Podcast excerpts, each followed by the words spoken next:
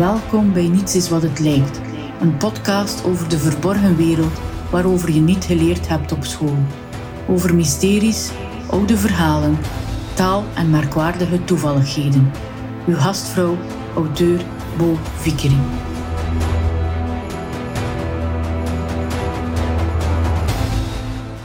De teksten voor mijn podcastafleveringen maak ik meestal op zondag.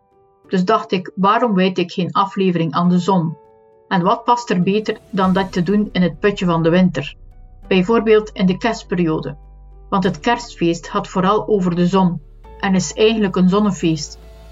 We aanbidden in de kerstperiode zelfs onrechtstreeks ook de zon. Laten we hiervoor eens terugkeren in de tijd. Want al eeuwenlang aanbidden mensen de zon.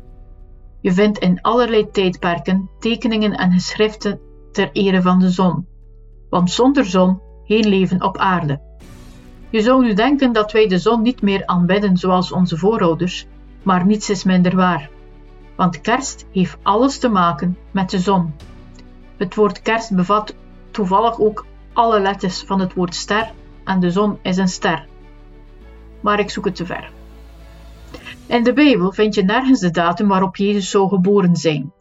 Lees de Bijbel maar eens. Je zal de datum, net als de data van andere kerkelijke feestdagen overigens, niet tegenkomen. Want kerstdag werd door de eerste christenen ook totaal niet gevierd. Pas in het jaar 137 maakte paus Hyginus in Rome van de geboorte van Christus een heilig feest. Maar dan nog was de datum van 25 december nog niet bepaald. Dit gebeurde slechts later, in de derde eeuw, werd een voorstel geformuleerd door de Romeinse keizer Constantijn om de geboorte van Christus op 25 december te vieren, want dat was de dag waarop de Romeinen het, hun uit Perzië afkomstige zonnegod Mithras eerden. Mithras, Mitra, Meitros, Mir, Meer of Merer zijn benamingen waaronder deze zonnegod voorkomt in Europa of Azië. Mithras was een zonnegod afkomstig uit Perzië. Mithras lijkt overigens ook op de Vedische Mitra, de zonnegod uit het Hindoeïsme. En zo zie je dat alles in deze wereld aan elkaar hangt, willen of niet. Mithras werd vaak afgebeeld met Sol, de werkelijke zonnegod van de Romeinen, de zon. Waardoor, toeval of niet, ook op 25 december Sol Invictus, de onoverwinnelijke zon, werd gevierd. Soms werd Sol afgebeeld met een groen blijvende boom. Hé, hey, daar heb je de kerstboom of levensboom opnieuw. Soms wordt beweerd dat Mithras ook zou geboren zijn uit een maagd, net als Jezus uit Maria. Terwijl volgens andere bronnen Mithras dan weer geboren is uit een rots.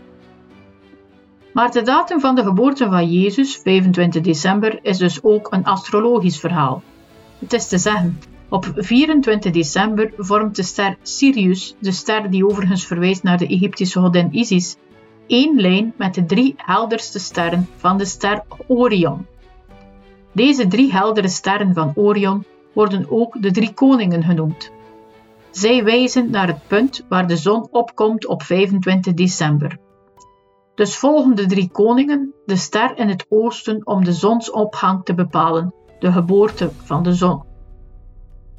Klein detail, het sterrenbeeld Virgo of Maagd, de oude grafische voorstelling van dit sterrenbeeld was een M, wordt ook het huis van het brood genoemd.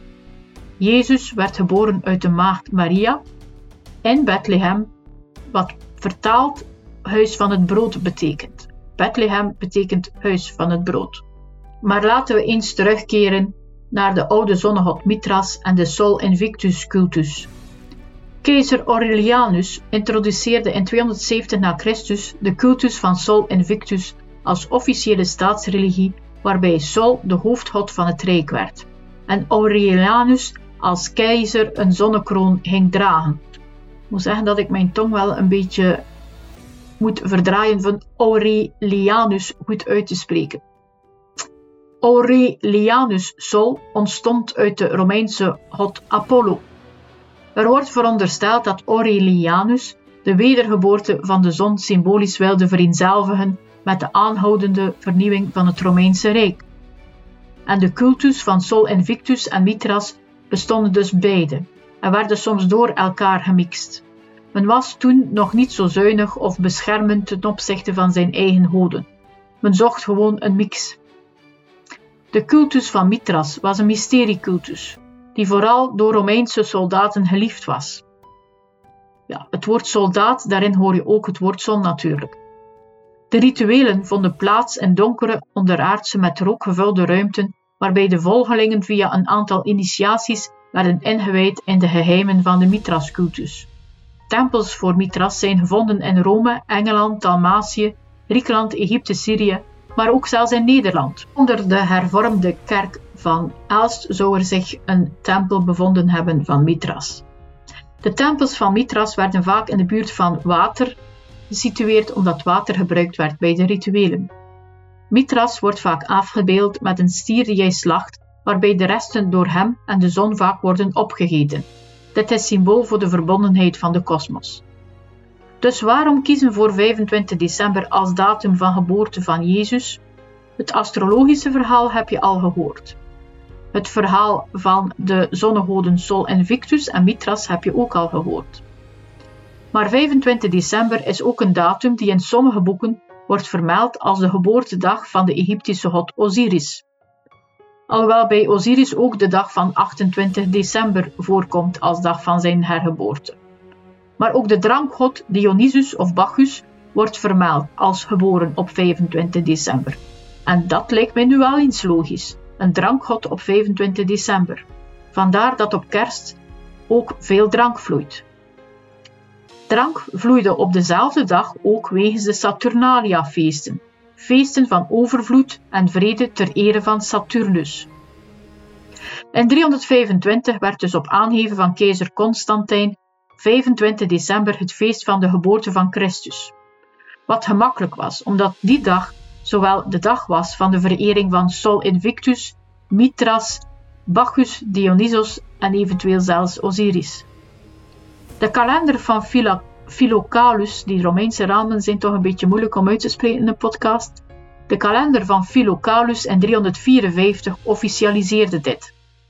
En uiteindelijk was het keizer Theodosius die in 391 het christendom als staatsgodsdienst verhief en alle andere cultussen verbood. Wijst Jezus nu naar de zon? Jezus is een zoon van God. Zoon of zon, het is maar één letter verschil en in het Engels is het woord zelfs hetzelfde, son. In de Bijbel wordt geschreven dat Jezus in Johannes 8:12 zegt: Ik ben het licht van de wereld, wie mij volgt op zijn weg, hoeft geen duisternis te vrezen, maar hij zal het levenslicht bezitten.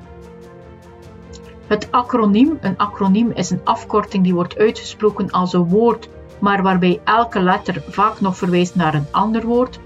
Het acroniem Ichtus, waarmee Jezus soms wordt aangeduid, Ichtus is de afkorting van de spreuk Jezus, Gods Zoon, Redder, verwijst ook naar de zon. Want de eerste christenen gebruikten als monogram voor het acroniem Ichtus vaak een achtpuntige ster gecombineerd met een cirkel.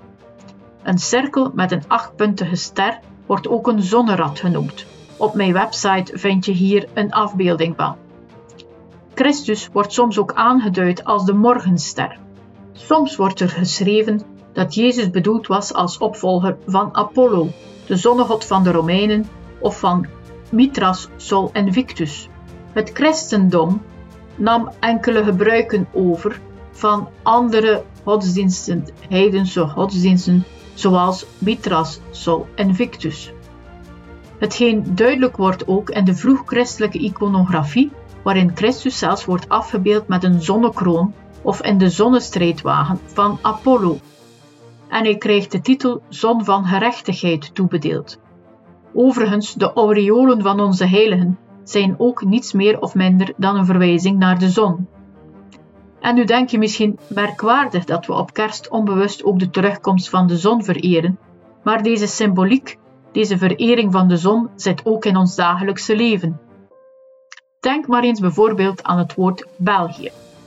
Afkomstig van de Belgae, een Keltische stam die Belenos of Belenus vereerde. En Belenos was, jawel, een zonnegod.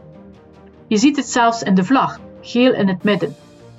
En nu denken alle luisteraars die zich bezighouden met onze staatsstructuur wellicht, ja maar, dat is op federaal niveau, niet bij de deelstaten. Maar daar is, daarin is men verkeerd. Want ook Wallonië en Vlaanderen gebruiken het geel. Kijk maar naar de vlaggen, een gele achtergrond, de kleur van de zon. En op de Waalse vlag kraait de haan bij de zonsopgang. En in Vlaanderen heb je een klimmende leeuw, een zon die opkomt, klimt, want de leeuw verwijst ook naar de zon. Eerst en vooral wordt het sterrenbeeld leeuw, Leo, gekoppeld aan de maand Augustus, de maand met het meeste zonlicht. Maar Apollo, de Romeinse zonnegod, wordt ook de leeuwengod genoemd. En in Egypte stelde een leeuw met een kop vooraan en achteraan de zonsopgang en zonsondergang voor. Horus, de zoon van Isis, werd als zonnegod in de vorm van een valk of een leeuw afgebeeld. En ook in andere tijden en culturen wordt de leeuw vaak gekoppeld aan de zon. Dat is nog altijd beter dan de verwijzing naar het oude Germaanse woord leeuw of lee, dat grafgeuvel betekent. Dan heb ik toch liever dat de leeuw verwijst naar de zon. Je ziet, we vereren de zon zonder dat we het weten. En misschien begrijp je nu beter de lichtjes in de kerstboom. De lichtjes hangen er ter ere van Mithras of Sol Invictus of Jezus, ter ere van de lichtgoden. Je kiest zelf maar uit welke God je in gelooft. Dus als je nog eens hoort of leest over het gebrek aan eerbied voor onze kersttradities, denk dan eens aan de, oude, aan de oude god Mithras, afkomstig uit Perzië, of Sol Invictus, de zon vereerd door de Romeinen, of Bacchus Dionysus. Tradities komen vaak voort uit andere tijden, andere culturen, alleen zijn wij het vergeten. Maar één ding is zeker: de zon die schijnt voor iedereen overal ter wereld, van gelijk welke cultuur, zeker op kerst. Hoe vredevol zou kerst op aarde zijn, moesten verschillen ook gelijkenissen zijn, en juist daarom is geschiedenis, zijn verhalen en oude mythologieën zo belangrijk. Zij onderstrepen de gelijkenissen tussen de mensen, niet het verschil. Wil je meer weten over de oude zonnegoden en het verband met kerst? Geef dan nu je stem via onderstaand formulier. Bij 99 stemmen schreef ik er een boekje over. Dus vergeet niet met kerst. Je vereert de zon en denk er eens aan als je de zon ziet opkomen op 25 december. 25 december, het begin van de 12 heilige dagen en de 13 speciale nachten. Maar daarvoor moet je luisteren naar mijn vorige aflevering. Bedankt om deze week te luisteren naar Niets is wat het lijkt. Ben je op zoek naar meer? Bezoek dan mijn website bovikri.eu. Hier kan je mijn boeken bestellen en kan je inschrijven op mijn nieuwsbrief My Secret Tips. Abonneer je op deze podcast, zodat je geen enkele aflevering mist. En terwijl je dit doet, vergeet niet deze podcast te delen en vertel het aan je familie en vrienden. Want je zou toch niet willen dat zij de wereld niet leren kennen zoals ze is, maar enkel zoals die lijkt te zijn.